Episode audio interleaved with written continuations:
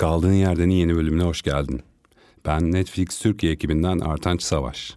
Ve inanır mısın bugün stüdyoya içim çok rahat geldim. Bölümün akıp gideceğine eminim. Çünkü bugün stand-up setleri ve podcastleriyle tanıdığımız üç komedyeni konuk ediyorum.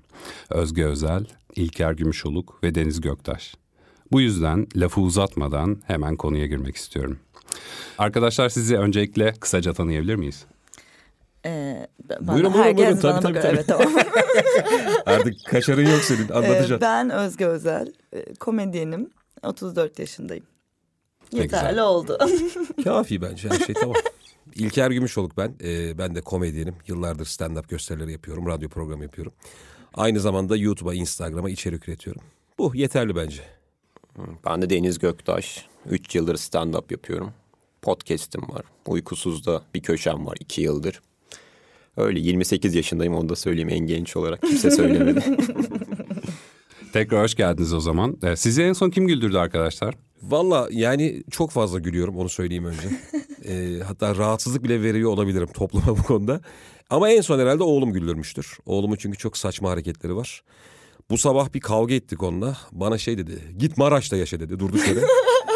Çocuğun tek bildiği il İstanbul dışında Maraş. Ve bana hani Maraş'a yakıştırdı böyle. Git lan Maraş'ta yaşa o zaman. Ona çok güldüm mesela. Maraş'ı nereden biliyor? E, Maraşlıyız biz. Bir hani Maraş'a gidiyor bayramlarda. Hayır bir bayramlarda Maraş'a gidiyor. Bir de İstanbul'a geliyor. Bayağı ananın evine git demiş Evet sana. evet yani bana Maraş'a git orada ne yapıyorsan yap. Ona çok güldüm. Neden kavga ettiniz peki? E, Abi çünkü tam işte üç buçuk dört yaş e, hiç laf dinlemediği, yemek yemediği, uyumadığı bir dönem yani bir şekilde laf geçirmeye çalışıyorsun. Öyle bir lafımız geçmiyor. O bana bağırıyor, ben ona bağırıyorum. Bu tartışmanın sonunda bu lafı yedik yani Maraş diye. Oh en son buna güldüm. Özge sen kime güldün en son? Ya ben en son bu sabah ben de kardeşime güldüm ama ben de çok güldüğüm bir, bir yerdeyim yani her şeye. O yüzden anlatınca komik olmayabilir. Ee, kardeşim hem kova burcu. Ee, bu sabah böyle damacanın dibini doldurmak için elinde damacanayla böyle yaldır yaldır su döktü ve kendine yabancılaştı böyle. Ben şu an kova burcu oldum tam olarak falan diye buna güldük sabah dokuz buçukta. ben de kız arkadaşıma güldüm galiba. Gelirken bir şeyler anlattı telefonda. Bir de palyaço kendisi clown. Normalde söz, sözsüz komedi yapıyor da telefondan böyle bir obez olmaktan ne kadar korktuğuyla ilgili uzun uzun bir şeyler anlattı. Bir de palyaçodan korkma vardır değil mi? evet evet. Yaşıyor mu öyle durumlar? Ya bir kere sokakta yapmıştı bu Göztepe Özgürlük Parkı'nda. Bir çocuğun ağlayarak annesine gittiği öyle bitti yani şey. Çok mutlu çıktı sokak tiyatrosu bilmem ne diye eve ağlamaklı geldi. Annesi şikayet etmiş bir yerlere falan filan. Öyle bir şey. E, nerede yapıyor abi ben çok merak ettim. Ya aslında biz beraber çıkıyorduk ilk komediye başladığımızda. O sessiz yapıyordu. Sonra biz çıkıyorduk stand-up yapıyorduk falan. Şu an Ankara'da bir tiyatro oyunu yönetiyor da şeyde çıkıyor arada ya. Kadıköy'de falan. Ben seni davet ederim. Tamam seve seve. Hiç ben palyaço izlemedim çünkü. Ya çok değişik, çok, güzel. evet, komik. Ben de hatırlamıyorum izlediğimi. Hep birlikte görüyoruz. o zaman buradan sonra. Aynen sizi davet edeyim.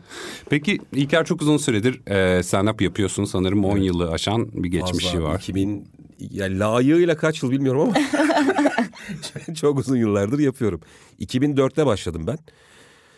Ee, Taksim'de Siu Bar diye bir yer vardı. Bir türkü bar. Çünkü o yıllardan 2004'te hakikaten hiçbir yer yok. Bir Leman Kültür vardı işte. Hani orada Cem Yılmaz'ı çıkarmasıyla ünlü bir mekan. Hatta galiba Ceza da ilk performansını orada sergilemiş. Çok manasız Aa, ama. onu. Değişik bir spektrum. Evet evet Ceza Atademirer ve Cem Yılmaz galiba Leman çıkışlı öyle biliyorum.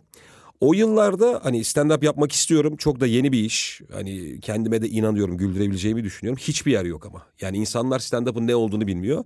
En kısa haliyle şey diyorsun işte hani Cem Yılmaz yapıyor ya onun aynısını yapmaya çalışıyorum falan gibi anlatıyorduk. Taksim'de ara sokakta Siyu Bar diye bir yer bulduk. Türkü bar. Dedim ben burada sahneye çıkacağım. Kadın dedi ki bir tek salıları boş dedi. Tamam dedim ben de salı. Yani, öyle bir hayır diyecek durumum yok yani stand-up yok salı okey. Salıları abi orada başladım. Çok uzun ince bir mekandı. Yani insanlar ikili oturup arkaya doğru böyle bir sıra gibi düşün. Hep arkadaş. Üniversite Mimar Sinan'dan gelenler. Hiç para kazanmıyorum. Hatta 150 lira ne kira veriyordum öyle bir şey. Kadın ona tabii ki okey dedi yani sonuçta Türkü Bar'a üniversiteli genç çekiyorum ben yani onlar için yeni bir kitle. Orada başladım stand-up'a. 2004'ten beri de neredeyse hiç durmadan her hafta yaptım. Peki hiç başına çok acayip ilginç bir olay geldi mi o ilk günlerde? Böyle esprisine gülünmeyen adam durumuna düştün mü? Ya bence herkes aşağı yukarı aynı fikirdedir ama esprine gülünmeme durumu hala başına gelebilen bir şey. Evet. Hani amatör olmana gerek yok yani bu işten para kazansan da bu başına gelebilir. Özellikle yeni bir şeyler deniyorsan sahnede bir de bazen seyirciye kendini sevdiremiyorsun. Ne olursa olsun yani sempatik gelmeyince zaten seni dışlıyorlar. Enteresan abi valla 2006'da 7'de galiba Taksim Hamam'da e, klapmış orası. Orada gösteri yaparken çok yüksek platformdan aşağı düştüm ben. İnteraktif deneyim dedim. Seyirci bir şey dedi. Efendim derken baya böyle yani bir buçuk metre falan aşağı düştüm. Ve güldüler Bir de mi? şeyimdir etim falan kalındır benim canım da çok yanmaz. İnsanlar bir şey oldu zannetti. Ah uh falan sesler geldi. Bir böyle 10 saniye şey ölüm sessizliği. Sonra ben kalkınca büyük bir kahkaha patladı. Ve ondan sonra hiçbir şakama gülmediler. Sadece o düşülen ama kriz böyle hı diye sesler duyuyorum arkalarda. Abi sahneden düştüm ya işte bence en babalardan biri. bu. Geçen Kevin Hart öyle bir e, macerasını anlatmıştı. Sahnede uyuyakalmış 10 saniye. 10 saniye gitmiş yani kapanmış Of ve be. onu uzun bir e, boşluk olarak yedirmeyi başardım demişti seyircilere. Senin ilk günlerin nasıldı? Ya ben açıkçası son 3 senedir falan yapıyorum işte. O yüzden mesela sizin yaşadığınız o en kimsenin gelmediği ve mekan bulunamayan zamanları hiç deneyimlemedim. Hatta ilk gösterimi de tabii ki deli gibi korkuyordum böyle bir şeye girişeceğim için. Bayağı her şeyi ayarladım. Bir arkadaşımın kafesi vardı. Bütün tanıdıklarım yani böyle kına listesi yapar gibi davetli listesi yaptım. 50-60 kişi herkesi topladım oraya. Ee, onlara yaptım ve tabii ki çok güldüler. Ee, ben bunu 3-4 kere yaptım kendi özgüvenimi birazcık toparlayana kadar tanımadığım insanların karşısına çıkmak için. Ee, toparladıktan sonra da işte açıklara gitmeye başladım. Aslında sen ilk yer başladığında stand-up kültürünün Türkiye'de yeni yeni gelişmeye başladığı bir dönemde. Sen geldiğinde bunun da ayrı bir zorluğu olduğunu düşünüyorum. Çünkü kültürün daha yerleştiği bir dönemde insanları güldürebilmek, beğenilerini kazanmak daha zor olabilir. Deniz senin için de geçerli sanırım aynı durum değil evet mi? evet ben de 3 yıl önce başladım. Benim aslında hiç şey rahatlığım vardı yani stand-up yapabileceğimi hiç düşünmüyordum. Ben sinema okumaya gelmiştim İstanbul'a. Hiç arkadaşım yoktu. Böyle komediyi de seviyordum. Böyle insanlarla tanışırım falan diye açık mikrofona gittim. Ama şey vardı. Ya zaten sosyal olarak çok çekingen bir insan. Bir de oraya çıkanlar çok çalışıp çıkıyor sanıyordum ben. O yüzden İstanbul'a gelmeden önce bir ay falan işte vegan şakamı yazdım. Hala en çok çalıştığım şaka oydu yani. Gittim yaptım. Çok iyi geçti. Sonra sinema kötü gidiyordu o sırada. Sonra işler buralara geldi işte. Senin garip bir olay geldi mi sahnede başına? Ya da saçma diyebileceğim bir olay. Ya saçma. Bir kere altıma kaçırdığıma emindim sahnede. Onu hatırlıyorum. Bütün sahne boyu ya dedim. Ya Hangisi böyle abi? Çiş mi? Çiş tabii. Diğeri olsa hiç çekinmem ya. Ne olacak anlamazlar ya. Öyle bir şey bütün sahne boyu orayı kapatmaya çalıştı falan sonra hiç öyle bir durum yokmuş. Oyuna, Kendi kendine oyuna yedirmişsin sen. Evet. ya bütün şeyi değiştirdim yani falan filan. Ara ara şeyi düşünüyorum yani kaç kişi var şu paylaşır mı? Fotoğraf çekenlere bakıyorum ona göre poz alıyorum falan öyle bir şey. Orada zaten muhtemelen şey var artık hiç setini düşünmeden değil mi? Evet, Sadece evet. durumla yüzleşip. Değil mi? Bütün baskı kalkıyor üzerinden aslında. ya madem bu konuya girdik ben de bir şey anlatacağım. Pislik konuşuyoruz. Benim yıllar evvel bir şakam vardı. Orada böyle işte annenin çocuğu işte sümkürtmesi hıh de falan muhabbeti vardır ya. Bir yerde onu yaparken hıh de derken benden gerçekten hıh çıktı. Yani bir an böyle şey oldum ya. Normalde hani hep o şakayı anlatırken bir şey çıkmazdı. Bir şey çıktığını hissettim burnumdan tamam? Yani anlatırken o dalgalanıyor. ben onu çok profesyonel bir şekilde avcumla aldım. Ve kot pantolonuma yedirdim hikaye sırasında. Sadece şeyi gördüm. Kargadaydım. Ee, en arkada iki kişi böyle birbirine bir yandan hararetli konuşmaya başladı. Bu ne yapıyor? Gören var mı diye. Onu hatırlıyorum yani. Kot pantolonun öyle bir acayip dokusu Kot var her şeyi yedirirsin Her şeyi yedirebilirsin. Cips yağı, sümük. Tabii o günlerden bu yana hepiniz için köprünün altından bayağı su aktı. Şu an gösterileriniz gerçekten e, bilet bulmakta bile insanlar zorlanıyor. Ben de çok yakından takip ediyorum. Bilet bulmakta zorlandım oldu. Materyallerinizi nasıl üretiyorsunuz bugünlerde? Nelerden kimlerden ilham alıyorsunuz? Ya herhalde hepimiz kendimizden alıyoruzdur diye düşünüyorum. Ben Necdet Uygur. Her zaman. Değişmez benim mizahım. ölümsüzleştirme çabası onu değil mi? Ya ben artık şöyle bir yere gelmeye başladım. Çünkü hani ilk başta zaten e, şaka yazana kadar yazmamış olduğum 30 senenin materyalini toplamak kolaydı açıkçası. Şimdi yeni şaka yazdın mı diye bir soru var ya sürekli böyle Allah gibi tabii yeni şaka bu hafta yeni bir şaka yazdım yeni şakan var mı falan diye. Bu da böyle bir baskı yaratıyor yani üstümde. Artık şeyi falan düşünmeye başladım yani neyi overthink ediyorum? Kafama çok taktığım bir şeyi bari yazayım da hani benden de çıksın ben de rahatlayayım. Komik oluyorsa da öpüp başıma koyuyorum gibi bir şey oluyor. Neyi kafana takıyorsun bu aralar? Bu ara kafama pek bir şeyde iyi olduğum bir dönemdeyim. O yüzden yeni şaka çok yazmıyorum. Deniz sen nasıl hazırlıyorsun materyallerini? Ya ilk başta şöyle yapıyordum. Çok öfkelendiğim ya da kafamın karışık olduğu şeyleri bayağı konu başlığı olarak yazıyordum işte. Belki burada söylemek doğru olmaz da böyle riskli şeyler, anlamadığım, insanlarla konuşamayacağım, ne bileyim, akrabalarımın yanında söyleyemeyeceğim şeyleri. Sonra onlar bir konu başlığı olarak kafanda dolanmaya başlayınca şey oluyor. Zaten günlük hayatta ifade edemiyorsun. Sahnede etmek için bir ekstra motivasyon oluyor. Öyle öyle şey yapmıştım ama son bir yıldır ben de çok zorlanıyorum. Bir de bir yandan uykusuz başladı podcast var ve ben üçünü de yapmayı bilmiyorum. Yani ne sahneyi biliyorum ne yazı yazmayı biliyorum ne podcast. O yüzden aklıma gelen ilk fikri sonraki hafta üçünden birine yamıyorum ve geliştiremiyorum ama baştaki şeyim oydu öfkelendiğim, kafamı karıştıran şeyler falan. Öfke aslında çok üretkenlik getiren bir şey. Evet. Evet bir de çok rahatlatıyor işte böyle terapi gibi bir etkisi var yani. Normalde konuşmaktan çekindiğin bir travmayı sahnede anlatıp insanları güldürebildiğinde böyle bir aşmışsın gibi bir illüzyon oluyor. Gerçek değil tabii ki. Bu Çıkınca arada- devam ediyor. Senin tarzından söz edersek o öfkelendiğin olayları anlatman aslında insanlar üzerinde de rahatlatıcı bir etkisi oluyor. Evet, Belki evet. gülmeyi de tetikleyen o oluyor çoğu zaman. Evet genelde öyle şeyler diyorlar. Ya normalde üzülmem gereken şeylere güldüm. İyi bir şey mi bu bilmiyorum ama hoşuma gitti falan filan. Böyle çıkışta öyle tepkiler geliyor. Beni de rahatlatıyor bir duygudaşlık falan. Evet. İlker senin nasıl bir yöntemin var? Not mu alıyorsun e, veya e, sesli not mu alıyorsun? Yok abi ses not. yani aldığım zaman vardı açık söyleyeyim. Bir tane ses kayıt cihazım vardı ona dolduruyorum. Geçen buldum o kadar rezil ki hatta. Her şeyi kaydetmişim yani. Hiçbiri komik değil. Mesela günlük gibi bir şey yani. Şöyle stand-up'a ilk başlarken bence hani işte kaç yaşında başlıyorsan 30 yaşında 30 yıllık bir birikim var ya zaten hani. Bir sürü şaka var, fikir var. Çok kolay hakikaten yazıyorsun, ediyorsun. Ama ikinci gösteri, üçüncü gösteri yani set olarak bahsediyorum. Artık böyle tükenmeye başlıyor elindekiler. Bence bu sanat için de geçer. Yani mesela Levent Yüksel'in ilk albümüne bak.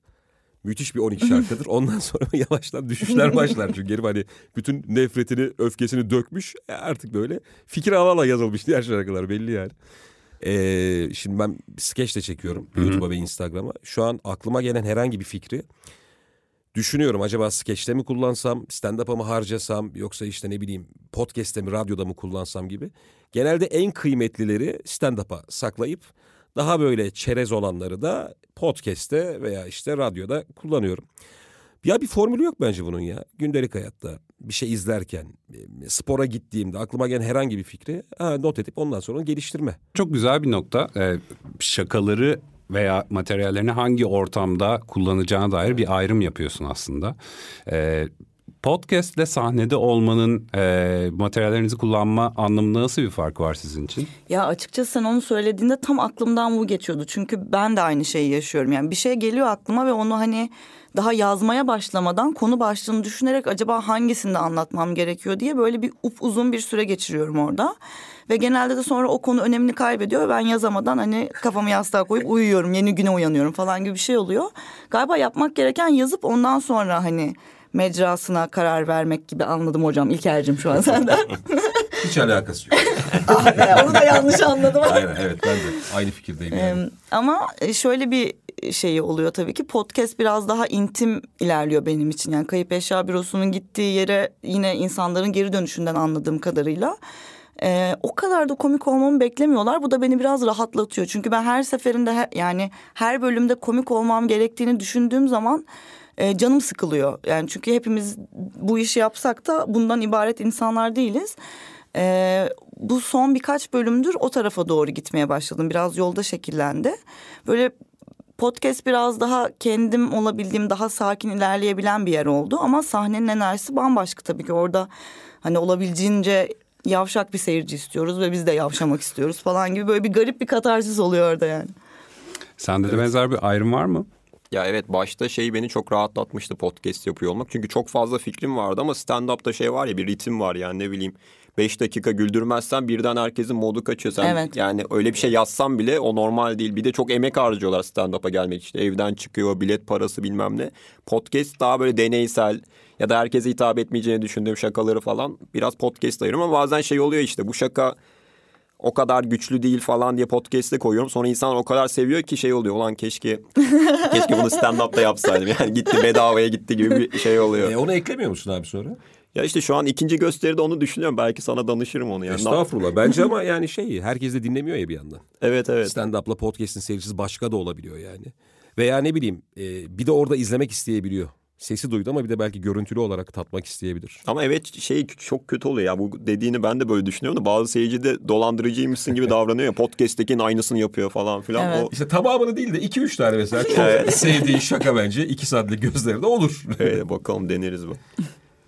Bu arada Deniz e, e, az önce akrabalardan bahsettin. E, Özge sen de e, aslında bütün ilk gösterine sevdiklerini, çevrendekileri, Keşke ben de bir şey arkadaşlarını. Tam oraya geliyoruz. İlker o zaman sana sorayım. Yok E, özür- Seni seven kimse yok mu?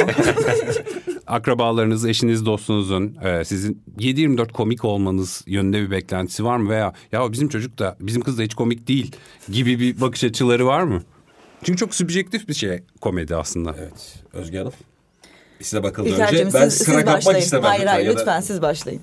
Valla şöyle zaten yani neşeli bir insan olduğumu düşünüyorum gündelik hayatta da. Ee, hani öyle beklentileri varsa onu karşıladığıma eminim. Çünkü ailemiz öyle çok komik bir aile değil yani. Hani bana şükretsinler diyorum.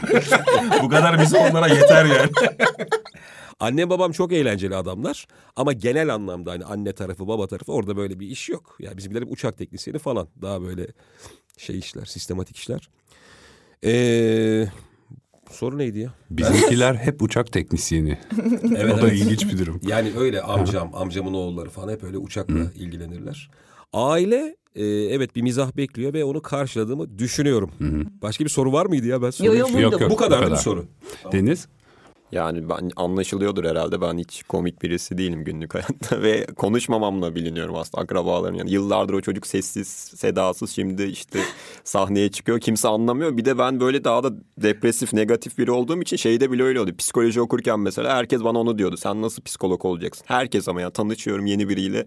Direkt dediği şey bu. Direkt düşürürsün. O yüzden o beklenti oluyor. Bir de şey çok kötü oluyor. Mesela YouTube'da bir yere çağırıyorlar, bir programa konuk çağırıyorlar. Abi ben gelmeyeyim falan diyorum ya. Yalvarıyorum ben gel ben konuşamıyorum falan filan. Sonra gidiyorum orada yorumlar hep şey bu nasıl komedyen bu şey. O yüzden o çok sık yaşadım ve artık böyle çok üzüldüğüm de bir şey. Keşke daha enerjik olsam, neşeli olsam falan filan. Sizin ailede durum nasıl? Valla bizim e, ailede durumlar e, iyi gibi gidiyor. Ben yani beklediğimden daha iyi karşıladılar. Onların da çok öyle bir fikri yok. Yani genel olarak stand-up konusunda da bir fikirleri yok zaten. E, ve yani üzülmeye seneler önce ben zaten tiyatro okumaya başladığımda başlamışlardı. Yani ondan sonraki beklentileri zaten hep çok düşük gitti. E, şu an yaptığım şeyi ilk defa izlediler. Geçen gösterilerden bir tanesine geldiler falan. Ve çok güzel bir deneyimdi yani böyle hem çok şaşırdılar hem onu proses etme süreçleri, anlattığım şeyi, sorgulamaları bilmem neleri falan. Çünkü biz normalde de böyle çok her şeyi konuşan bir aile yapımız yoktu yani. Ve ben hani hani anlatmadık şey bırakmadım gibi bir şey oldu orada. Yüzleri düşürdün öne. E, ama o kadar çok dozda verdim ki hani artık üzülemediler bile. Yani böyle attım çuvalla üstlerine gibi bir şey oldu. Herkes gülüyor. Okey bu gülünecek bir şey, iyi bir şey. Kimse bu kızın başına bir şey getirmeyecek diye rahatladılar. Ama arkadaşlarım konusunda e, bende de tersten işledi. Yani ben stand-up yapmayı hiç aklıma getirmedim açıkçası. Böyle bir ara oldu artık çok konuşup milletin başını mı şişirdim ne oldu hani bilmiyorum. Böyle başka başka circle'lardan insanlar sen bir stand-up mı yapsan acaba falan diye çok sistematik arkadan ittirdiler onların sayesinde başladım. Stand-up'ın bence şöyle bir laneti var. Bilmiyorum katılır mısınız? Ne zaman kıymetli önemli bir izlemeye gelse ailenden mesela o oyun bir ortalama geçiyor. Kötü geçiyor yani. Hiç mesela gelmezler şahane oyunlar yaparsın. İşte bugün seni biri izlemeye geliyor. O gün olmuyor abi. Ben müzik yaparken hiç istemezdim bizimkilerin izlemesini. Çünkü çok iyi anlıyorum. Mutlaka bir şey ters giderdi. Ya ben bir saçmalardım ya sesim kısılırdı. Ona bakıyorsun ya bir de o eğleniyor mu diye evet, sürekli. evet, Benim evet. öyle bir annemin kuzeni geldi. Çok bağıran kadınlar vardır ya. O Ya böyle o kadar utanıyorum ki o seyirci olduğu için. Bir de bazı hikayeleri uyduruyorum sana. Mesela babaannemin başına geleni anneannemin başına gelmiş gibi böyle minik yalanlarım var neyse. o biliyor ya gerçeği orada. Ona bakınca hikaye karışıyor mesela. Anneanne diye anlatayım falan gibi hissediyorum. Çok geriyor. Peki biraz daha ciddi bir konuya girmek istiyorum. Ee, tepki aldığınız oluyor mu şakalarınız için? Eminim ki oluyordur. Ee, mesela Netflix'teki son şovunda e, Ronnie Chieng diyor ki burası bir komedi şovu, burası güvenli bir alan. Ama tabii çok bu benim duygularımı incitti diyenler de olabiliyor. Ee, veya farklı bakan insanlar da olabiliyor. Zor durumlar yaşıyor musunuz tepki anlamında? Yani sahnedeyken böyle bir tepkiyle hiç karşılaşmadım ben. Bilmiyorum siz de hani gösteriden sonra özellikle gelip bir şey söyleyen, sonradan bir şey söyleyen çok olmadı. Genelde bu tepkiler işte internete video yüklendiğinde olan şeyler. O da yani ilk başta biraz e, beni de üzüyordu yani hatta düşündürüyordu da. Ama sonra herkesin başına geldiğini fark edince ama herkesin dünyadaki herkesin böyle hani Daniel Sloss'un altına falan mimik oynamadı yazanları da gördükten sonra aşırı rahatladım. Yani okey burası böyle bir ortam millet yazacak sen de yapmaya devam edeceksin gibi bir şey oldu. Böyle anlarda rahatlama yöntemi. Oğlum Atatürk'ü bile eleştiriyorlar falan. Atatürk adam diye. Bir rahatlıyorsun böyle. Oh diyorsun tamam ya. ya evet hani e, benim öyle çok aşırı ofansif şakalarım da olmadığı için ben öyle direkt bir tepki almıyorum. Ama tabii sonuçta iki saatlik bir set var. Elbet birilerine dokunuyorsun, birilerini rahatsız ediyorsun. Sahnede sanıldığı kadar sataşan olmuyor. Ben denk gelmedim yani görmedim. Dediğin gibi yorumlar zaten yanıyor. Orada her şeyi söyleyebiliyorlar. Oyun sonrası da öyle bir, bir şey yaşadığımı hatırlamam ya. Hani kaç kere sahneye çıktıysam hiç öyle sert bir şey, bir tepki, bir laf sosyal medyada oluyor ama gündelik hayatta karşıma çıkmadı ya. Sosyal medyada galiba her iş için geçerli bir durum. Evet. Sadece stand-up için değil. Oluyor. Bir dizi de yapsanız aynı durum. Ee, her konuda yaşanıyor. Vallahi ben onları çok kafaya takıyordum zamanda artık tamamen bıraktım. Çünkü hala takıyorum baktığım zaman gördüğüm zaman ama Takip etmiyor musun artık? Ya etmek zorundayım çünkü yani YouTube'a içerik üretiyorum, Instagram'a üretiyorum, ekşi sözlük var, o var bu var vesaire. Yani sen, sen görmesen bile biri yolluyor. Bak sana ne yazmışlar diye orada görüyorsun. Ama derin kalınlaşıyor değil mi? Allah Allah. Evet. Ama yani işte her yazılan da kıymetli bir şey değil ya.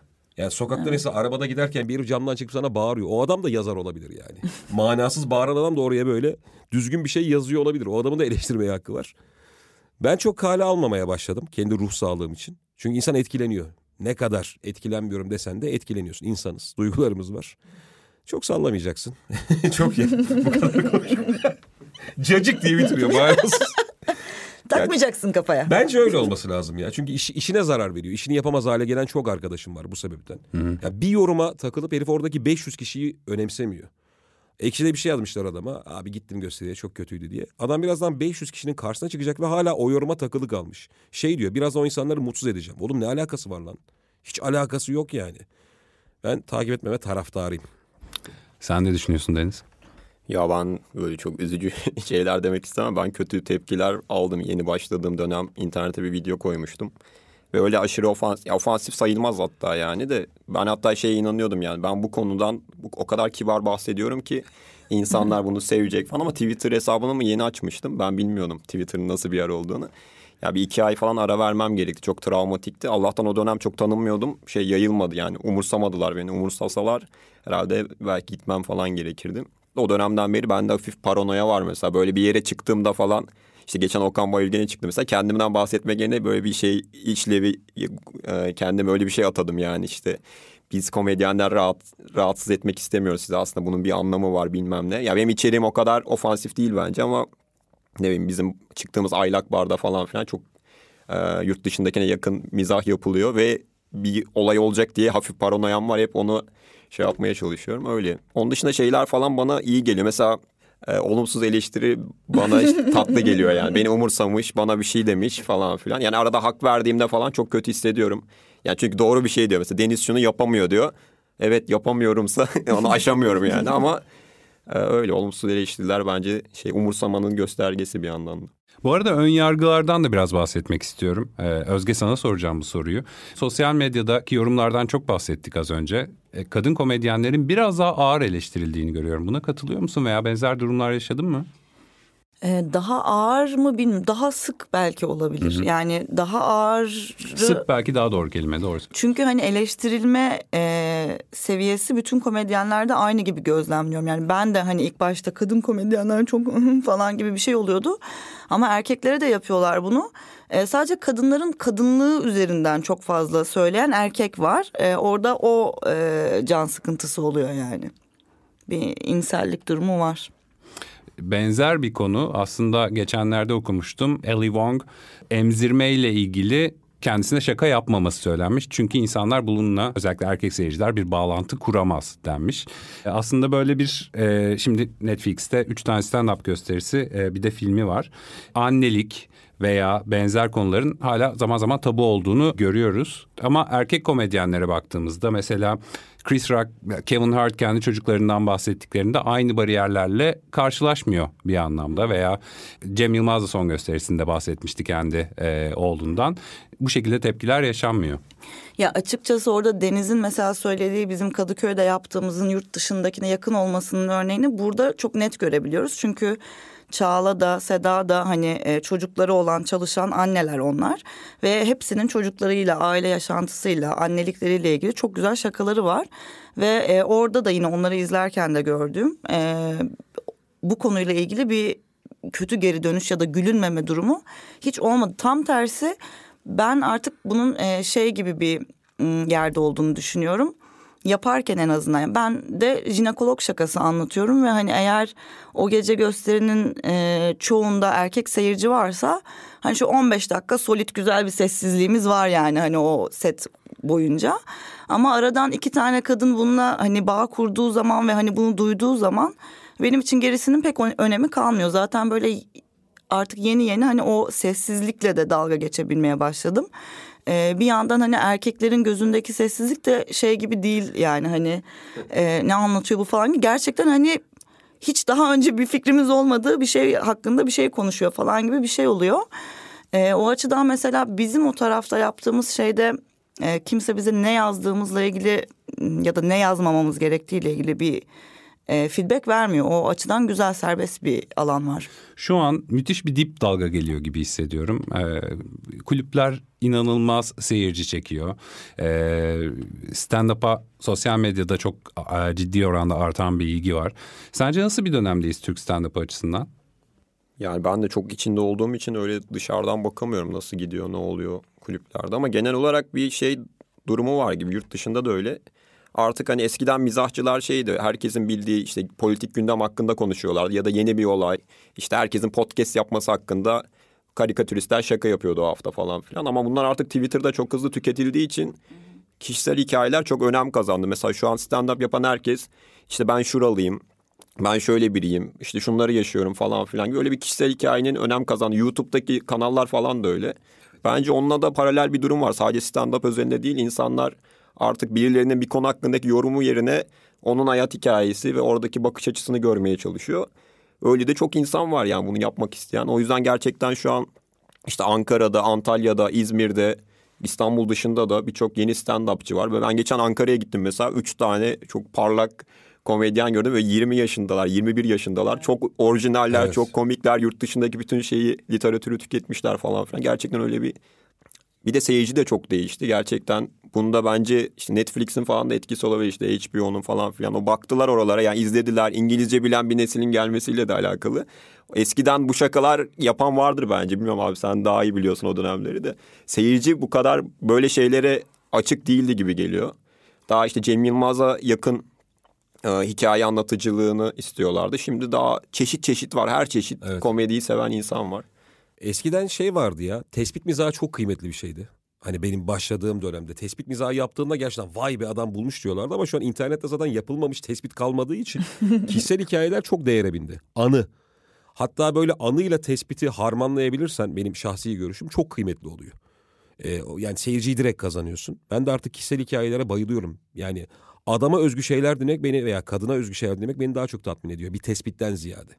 Hepiniz dönem dönem farklı şehirlerde e, gösteriler yapıyorsunuz, turneler yapıyorsunuz. Türkiye'deki şehirler arasında veya yurt dışına gittiğinizdeki gösterilerde seyirciler arasında bir farklılık görüyor musunuz? Veya en çok hangi şehirde rahat ediyorsunuz? Hepsi aynı. Hepsi bebeklerimiz ya, gibi. Yalan söyleyeyim az evvel dedim. Ya şöyle e, bazı illerde kültür sanat olayları daha kıymetli galiba. Oranın çünkü seyircisinden anlıyorsun. Yani oyuna saatinde geliyor değer veriyor, izliyor. Sonunda bir yüksek alkışlıyor etkinlik kötü bile olsa. Fazladan bir saygı duyduğum şehirler var. Ya da etkinliğe fazladan saygı duyulan şehirler var. Ama hangi şehir olduğunu söylemek istemiyorum. Niye övdün gibi de oldu? İşte övdük ama ismini veremediğimiz şehirler de şimdi alınmasın bir sürü yere oyun koyacağız. Deniz... Şehirleri vermek için Deniz ve Özge'ye topu atıyorum. ben de tam Deniz'e topu atıyordum. Bu arada geçenlerde sanırım Amsterdam'da da bir gösterin olmuştu. O nasıl geçti? Ya oralar garip de işte Amsterdam, Utrecht, Berlin, Berlin, Berlin, Berlin diye bir program vardı. Berlin'e daha çok insan olduğu için. Hepsi farklıydı ya. Amsterdam çok seyircisi politik doğrucuydu mesela. Öyle bir Türkiye'de çok karşılaşmadığım bir şey. Oradaki hassasiyetlere göre değişiyor galiba. Berlin'deki daha Türkiye'dekilere benziyordu. Gelenler de çoğunlukla işte son 2-3 yılda göçmüş insanlardı. O yüzden yani referans açısından falan hiç sorun olmadı. Bayağı burada Kadıköy'de yapıyormuş gibi geçti. Ben şey Ankara seyircisini biraz önce arada övüyorduk da Ankara gerçekten farklı böyle daha kıymet bilen, anlamaya çalışan. Mesela bazen hiç gülmüyorlar ama çok sevmiş oluyorlar falan filan. İzmir'le Antalya'da mesela şeyi çok seviyor böyle. Biraz ofansif bir şey söylediğinde falan ben öyle bir şey gözlemledim. Belki şansları da böyle daha özgürlükçü bir şey istiyorlar. Şey komediyle çok ilgilenmiyor daha böyle. İstanbul'dakilerde bir tık şımarık oluyor bence böyle. Birçok alternatif var sana gelmiş. Biraz yargılayan gözlerle izliyorlar. Öyle bir. Evet evet doğru. Ya ben mesela e, çok fazla gezmedim ama şeyi hatırlıyorum mesela Bursa'ya sahne koyduklarında hani bütün arkadaşlarım Bursa'ya mı gidiyorsun? Bursa'da ne Bursa'da mı yapacaksın falan gibi şeyler dediler. Beni yok yere gerdiler bu arada. Hiç öyle bir algın bir şeyim de yoktu. Bursa ve stand-up. falan. Ee, gittik ve harika bir seyirciydi ve hani mekan da üstelik o kadar merkezi on ota sanayide falan böyle Bursa'nın da dışında bir yer falan. Kar, kış böyle yollar kapandı mı kapanacak mı olan bir gecede ağzına kadar doluydu her yer.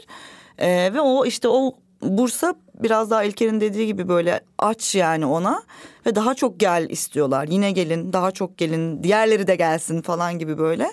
E, orada kendimi çok iyi hissettiğimi hatırlıyorum. Belki beklentimi çok düşürdükleri içindir bilmiyorum ama e, Ankara'da ama katılıyorum Deniz'e. Çünkü e, onlar e, yani anlattığın şeyin her kelimesini anlamaya çalışıyorlar. Yani seni anlamaya. Gerçekten izlerken empati kuran bir seyirci Ankara'daki. Evet. Bursa'da bir de bildiğim kadarıyla çok sağlam bir öğrenci kitlesi de var. Olabilir belki de. Uludağ Üniversitesi'nin e, civarına koyarsan Görükle miydi galiba? Görükle, Görükle olması evet. lazım. Oralarda Hı-hı. da mesela çok güzel geçiyor gösteriler. Görükle de stand-up. Peki kendinizi bir stand-up'ta seyircilerin arasında hayal etmenizi istesem. Diyelim ki en önde oturuyorsunuz. Ee, bir şakaya malzeme olma e, ihtimaliniz de gayet e, yüksek hangi komedyen sizinle dalga geçmeye başlamasını istersiniz ve neden? Şey, Herkes geçebilir ya benimle. Çok pardon. Yani o konularda çok rahatımdır. Ee, istedikleri gibi geçebilirler. Yani aslında farklı gözlerden dalga geçirmek çok keyifli olabilir. Yani evet, o yüzden evet. herkesin tarzı başka olduğu için hepsi beni öyle alsın, top gibi oynasın, fırlatsın, atsın hiç umursamam. Alınacağım bir konu var?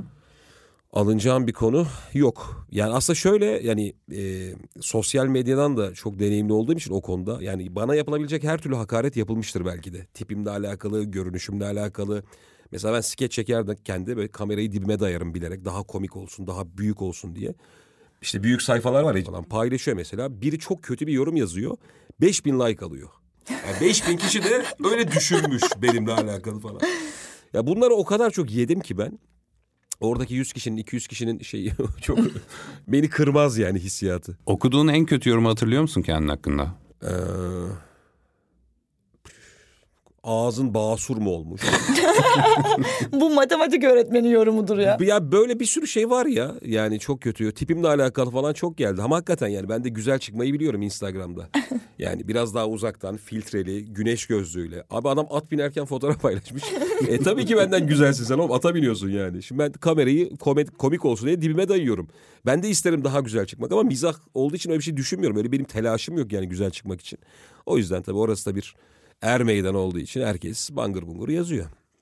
Deniz sen nasıl bakıyorsun? Ee, kim seninle dalga geçmeye başlasın isterdin sahneden? Ya direkt stand-upçı değil de Ferhan Şensoy olabilir. Çocukken de bir öyle bir şey yaşamıştım. Öyle şey Ferhan Şensoy'un oyunlardan sonra imza şey oluyor. Kitabını alıp gidiyorsunuz. Çocukken oyunla ilgili yani şu an salakça olduğunu bildiğim o dönem bilmedim. Zekice sandığım bir şey sormuştum. Bayağı ters demişti. Şey olmuştu ama yani o yaşta bir çocuk normalde insan önünde terslenince çok üzülür falan. Böyle bir hoş, hoşuma gitmişti. Yani zaten o huyunu sevdiğim için o huysuzluğunu, sert oluşunu. Ya onu isterdim mesela direkt stand-upçı değil de böyle bir sövse istem. Bir telefonum çalsa oyunda öyle şeylere çok sinirleniyor. Onu isterdim herhalde. Soruyu hatırlıyor musun? Hangi soruyu? Ferhan Şensoy sordum. ya böyle bir şöyle olsa daha iyi olmaz, daha komik olmaz mıydı gibi bir şeydi de şeyi tam hatırlamıyorum. Oyunu hatırlamıyorum. Seni bir Yavuz Turgul setine yollamak lazım abi. Evet. Azar seviyorsa bir telefonunu çaldırsan orada ya da Tarantino falan. Öyle hikayeler var ya seti bırakıp gitmiş Tarantino. Ya ben dalga geçilme konusunda e, geçen yaz biz bir roast turnuvası yaptık. Oradan e, bayağı idmanlıyım aslında. Çünkü hani bütün komedyenler ikişer ikişer eşleşti. Ve önceden hazırlanıp bir de hani spontan bir e, sataşma da değil. Böyle seyircilerin karşısında şimdi birbirimizi gömeceğiz falan gibi bir şey oldu. E, ve çok eğlendim yani ben o kadar eğleneceğimi de beklemiyordum. Ben yazarken de yani başkalarını e, gömerken de çok eğlendim. Ben gömülürken de çok eğlendim. Ve karşılaştığım herkesin yani beni dışarıdan nasıl gördüklerini bilmiyorum sonuçta. Hepsinin ayrı bir algısı var ve hepsi onun üzerine böyle beşer tane şaka yazmıştı falan. Ee, hiç karşılaşmadığım bir şeyle de ilgili dalga geçince başka bir insan insan yine bir durup düşünüyor böyle öyle mi yapıyorum ya falan diye böyle bir garip bir aydınlanma anı da oluyor. Hatta işte Seda ile eşleştiğimizde böyle birbirimize bayağı girdik yani dümdüz girdik ve çok güzel bir karşılaşma oldu. Seyircilerden bir tanesi şey demişti yani hani şeyi düşündüm hani ikinizden biri beni rostlasa da kendimle ilgili fark etmediğim bir şey fark etsem falan gibi bir şey olmuştu. Ee, o yüzden ben seviyorum rostlanmayı da rostlamayı da. Ama bir de bunun gece üçü var ya işte. o olay bittikten sonra yatağında yalnızken değil mi bir şey düşünüyorsundur yani. falan. O Ya öyle bir şey varmış. Olmadı mı? Bende olmadı. Ben çünkü kendi kendimle çok uğraşıyorum. Bana benim hakkımda bilinmedi, bilmediğim bir şey söylenmedi yani açıkçası. Hatta daha fazla şey fark edebilirlerdi gibi gelmişti. Genelde e, gerçekten kendiyle ilgili hiçbir fikri olmayan bir iki komedyen turnusorken yani yok oldu gitti gözümüzün önünde falan.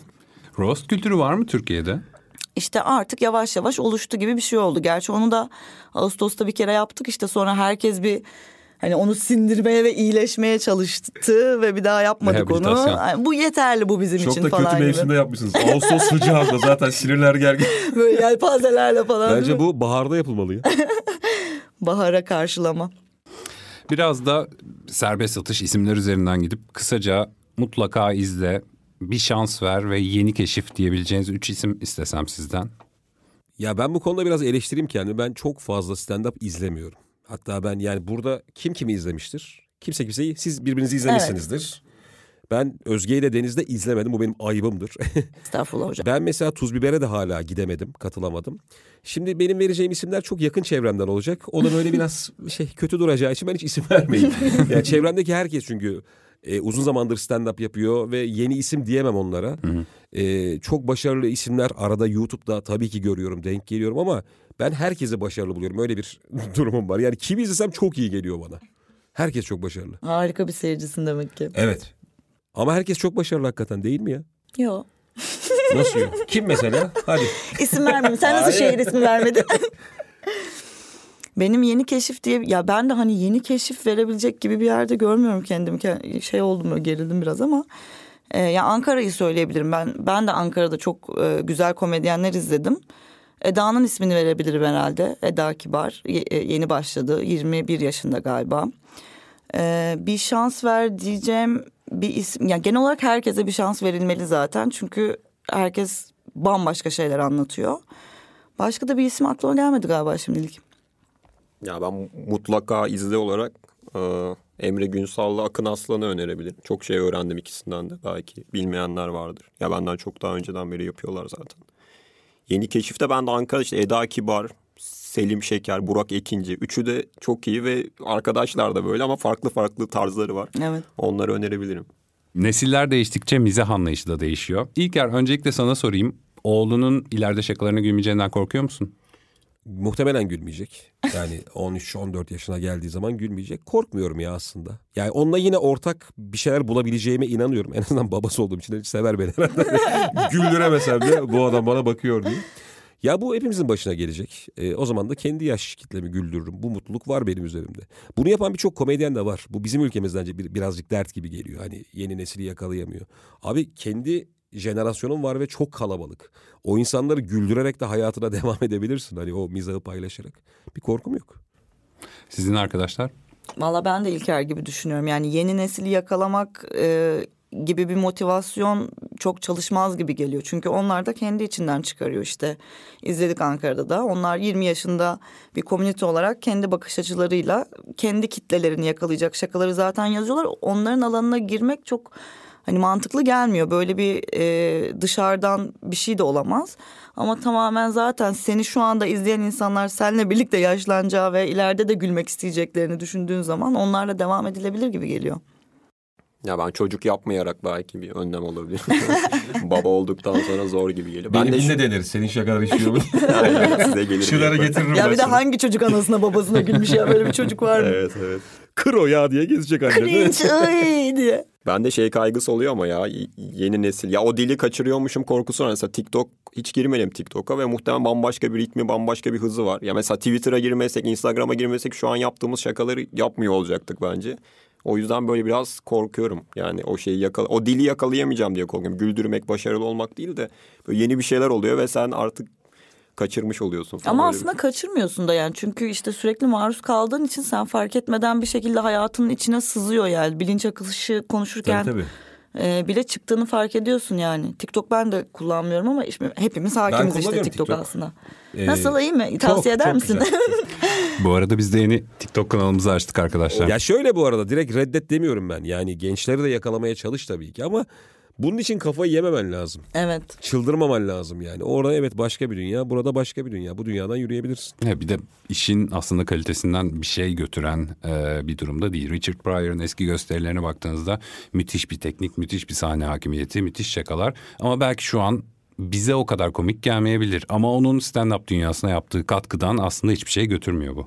Yani Jerry Seinfeld'in son gösterisinde de ben böyle bir şey hissettim. Mesela artık adam yani 60 yaşında kaç Evet, yaşında bir 61 adam tabii. yani ve hani tamamen kendi yaşına ve kendi cinsiyetine ve Amerika'daki konum ya her şeyle ilgili bir şaka yapıyor ve baktığın zaman aslında beni yakalayabilecek hiçbir şey yok ama komik yani hani Biz seninle aynı yaştayız gibi değil mi abi? Aşağı yukarı. 84'lü müsün sen? Beşliyim. İşte bak Seinfeld mesela benim için 10 yıl evvel yapılabilecek en komik işti. Ama geçenlerde yine Twitter'da gördüm. Yeni kuşak, alttan gelen kuşak sevmiyor. Dayanamadım, kapattım. Bunlar bana böyle şey geliyor. Ya nasıl olabilir oğlum falan diyorum kendi kendime. deyyus.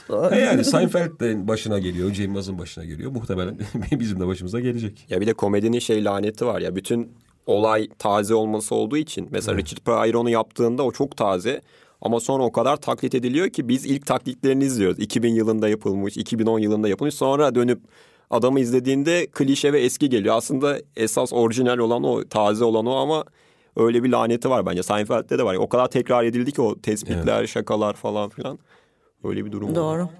Bu arada üçünüzün de farklı tarzları var aslında. Ee, Ve üçünüzü bir arada e, bugün görmek ve birlikte konuşmak benim için çok keyifli. E, bitirmeden önce hızlı bir soru turu yapmak istiyorum. E, Netflix'te severek izlediğiniz e, en son yapım. Ofis izliyorum ben şu anda. Ofis. Ben bu Dünyanın En Sıra Dışı Evleri diye bir belgesel var. Bu ara onu izliyorum. Ona göre.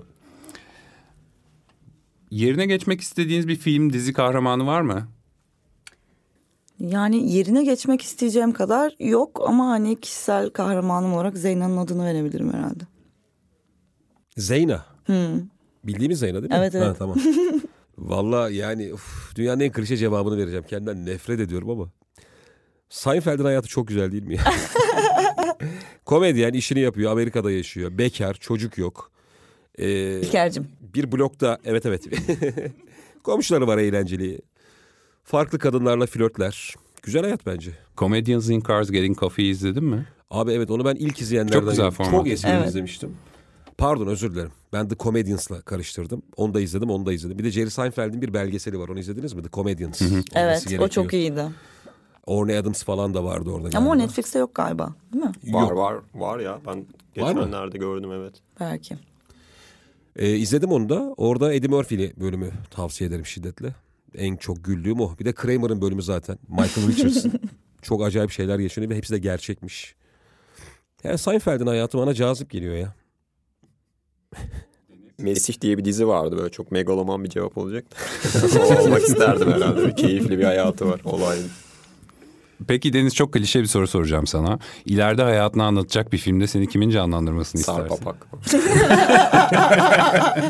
Hiçbir şovunu kaçırmam ne dese gülerim dediğiniz biri var mı? Sarpa bak. Devam. En saçma korkunuz? En saçma korkum. Bunu düşünmem lazım. Benim hafıza. Hafızam giderek kötüleşiyor. Herhalde çok fazla video, videoya maruz kaldığım için abi. Hafızamı kaybetmekten çok korkuyorum nedense. Çünkü hiçbir işe yaramayacağını biliyorsun ya o zaman. Sıfır hafıza. Çocuğum falan da var. Yani çocuğu hatırlayamamak bana çok korkunç geliyor. Elimden tutmuş bir yerlere götürüyor. Bana yemekler yediriyor falan. Çok korkuyorum. Ya çok kopya bir cevap olacak ama ben de geçen şeyden korktuğumu hatırlıyorum. Yürürken ya bunları iyi hatırlıyoruz. Yürümeyi falan yani iyi çözmüşüz falan diye. Bisiklet sürerken de bazen geliyor. O otomatik şeyleri birden o an unutacağım diye korkuyorum. Öyle Onu şey. düşündüğünde unutuyorsun zaten. Evet, Öyle bir evet. kitlenme anı geliyor. Sahnede yaşıyor musunuz bunu hiç? Bazen çıkmadan önce oluyor ya. İçeride çok şey varsa ne anlat. Böyle çok basit merhabaya falan baktığımı hatırlıyorum. İlk başlarda özellikle merhaba ben Deniz falan filan. Evet, evet. Onu unutacağım diye korktuğumu hatırlıyorum. Bir rutininiz var mı peki sahneye çıkmadan? Yani rahatlamak için bazı şeyler yapıyorum ben açıkçası fiziksel şeyler işte zıplamaktır. Çok, beni çok yükselten bir şarkıyı dinlemek işte ne bileyim su içmek ki her zaman işe yaramıyor. Yine de boğazım kuruyor falan. Çişimi yapmak. veremezsin. Taktik demedim rutin dendi bana. Ya ben o günü keyifli geçirmeye çalışıyorum mümkün mertebe. Hatta geçenlerde bir tane büyük oyunum vardı Ataşehir Duru Tiyatro'da. Bu kar yağdı ya felaket oldu hani. Fullüz yani çok güzel bir gösteri geçirmek istiyorum. Eşim de kimseye hayır diyemeyen bir insan. Maraş'tan bir sürü akraba bize kalmaya geliyormuş. o akşam. Yani yatacağız. Ertesi gün oyunum var. Abi çoluk çocuk topladı eve. Çıldırıyorum yani. Ben çünkü sakin kalmam lazım. Otele gittim mesela. Otelde kaldım o gece evin yakındaki bir otelde. Çünkü stand-up sabahı güzel uyanman lazım. Ee, kafaya çok fazla bir şey takmaman lazım. O günü ben sakin geçirmek istiyorum. Rutin olarak da e, mekana önce giderim genelde. Böyle yarım saat bir saat kala değil de bir iki buçuk üç saat kala giderim. Bir sahneye çıkarım bakarım. Bir koltukların arasında gezerim. Hani seyirciyi rahatsız edecek bir durum var mı? Koltuk kırık mı mırık mı gibi. Gerçekten böyle çok Aa. tabii tabii çöp var mı falan diye bir bakıyorum yani. Kimse mutsuz olsun istemiyorum o konularda. Onun dışında ben de iki saat kala falan işte yavaştan kulise çekilip kahvemi içip böyle bir şey ben de eğlenceli parçalar dinleyip kafamı dinliyorum. Saçma bir korkunuz var mı peki? Sahnede e, şöyle bir şey başıma gelirse felaket olur. Benim Hafızamı kaybetmekten, hafıza kaybetmekten bahsettin. Ben bu arada e, iki tane benzer şakam var. Girişleri çok benziyor. Bazen bir şaka anlatırken diğerine geçtiğim oluyor. ya şakalar yer değiştiriyor. Biri birinci perde, diğeri ikinci perde. Oğlum diyorum niye buradasın diyorum. Sonra diyorum ben ikinci perdedeyim falan. Ya böyle bir beş saniye falan seyircinin hiç anlamadığı beni uzaklara baktığım anlar oluyor. Ya bir şekilde halloluyor sahne ya. Oranın başka bir aurası enerjisi var. Yani bir sürü gösteri yaptım. Hiçbirinde de sahnede kaldığımı görmedim. Ee, bir şekilde o durumla baş edebiliyorsun. O bir korku değil bende. Gündelik hayatta hafıza bir korku. Sahnede bir şekilde altından kalkarım onu biliyorum ya. Deniz? Evet, bende de çok yok herhalde. Ya, sahne en az korktuğum yer oluyor yani. Çıkmadan önce oluyor. Kuliste bazen gerildiğim falan oluyor. da Sahneye çıktıktan sonra geçiyor. Kötü geçse de keyif alıyorum. iyi geçse de keyif alıyorum. Öyle bir korku yok galiba. Bir şekilde galiba hem adrenalin hem seyirciden gelen enerji onların birleşiminden çıkan e, bir rahatlık hali. Bir de her şey kötü gitse de komik oluyor ya. O da yani stand-up'ın rahatı. Başka hiçbir şeyde yoktur herhalde sanatta. da Sıçtığında bile çok komik olabiliyor ya. Teknik şeyler biraz korkutuyor bazen ya. İşte mikrofonun pilinin bitmesi mesela berbat bir şey. Hı. Çünkü pil bitiyor e, ve geliyor adam pili takıyor. Orada bir 2-3 dakikalık sessizlik var. Bitmeyen bir sessizlik o. Ben teknik olaylara çok kafayı takıyorum. Işık mesela gitti bir kere gösteride. Karanlıkta anlatmak zorunda kaldım. Hiç mimik yok, jest yok falan. Bunlar benim için felaket. E, Teknik olay demişken az önce e, kayda başlamadan önce aramızda konuşuyorduk. E, sanırım sahnede bir telefonu şarja takma e, hikayeleriniz vesaire olmuş Evet. geçmişte. Ya benim bayi toplantısı deneyimim çok olduğu için bayi toplantısı da yangın yeridir. Bilenler vardır. Biz orada yani hani çok güzel para kazandık. Mesut Süreyle birlikte özellikle öyle bir 15 gösteri arka arkaya yaptığımız Türkiye'yi dolandığımız bir yerde biz çiftçilere denk geldik abi. Yani kitle çiftçiymiş. 320-330 çiftçiyi anlattık. Bir adam benden o kadar sıkıldı ki artık böyle yani adam of diyor böyle yakasını falan çekiştiriyor. böyle bir adama stand-up yapıyorsun. Adam telefonunu şarj aletini çıkardı. Sahnede priz varmış. Gel telefonunu şarja taktı. Yerine oturdu. Ben anlatırken geldi böyle bakıyor. Yüzde yirmi yedi biraz daha da olsun diyor falan. Yani bunları yaşadım ben. Tarım şakan var mı abi? Yok maalesef. Bilsem yazardım ama. Ziraatle alakalı bir iki şey. ya kitleyi ısıtmak için birkaç şaka yok. Evet tarım diye bağırıyorsun. Şaka şaka da gelmiş. Valla benim saçma bir korkum yoktu. Ben de öyle düşünüyordum açıkçası. Sahnedeki her şeyi bir şekilde e, ayarlayabiliriz falan diye. Şimdi yeni yeni işte acaba seyircinin içinde e, bana laf atacak birisi olacak mı diye bir korku geldi. İşte bir, bir buçuk ay önce böyle tatsız bir olay yaşadım. İlk defa çıktığımız bir sahnede çıkmıştık. E, seyirci de aşırı sarhoştu ve kesinlikle stand-up izleyicisi değildi yani. En önde oturuyordu gayet yaya yaya e, falan ve böyle şakanın ortasında bayağı gayet hani yani burayı bilmiyorum gel kucağıma otur falan gibi bir şey söyledi. Ve böyle bütün salon ben mekan sahibi işte bizim arkadaşlar falan böyle bir üç saniye hepimiz durduk.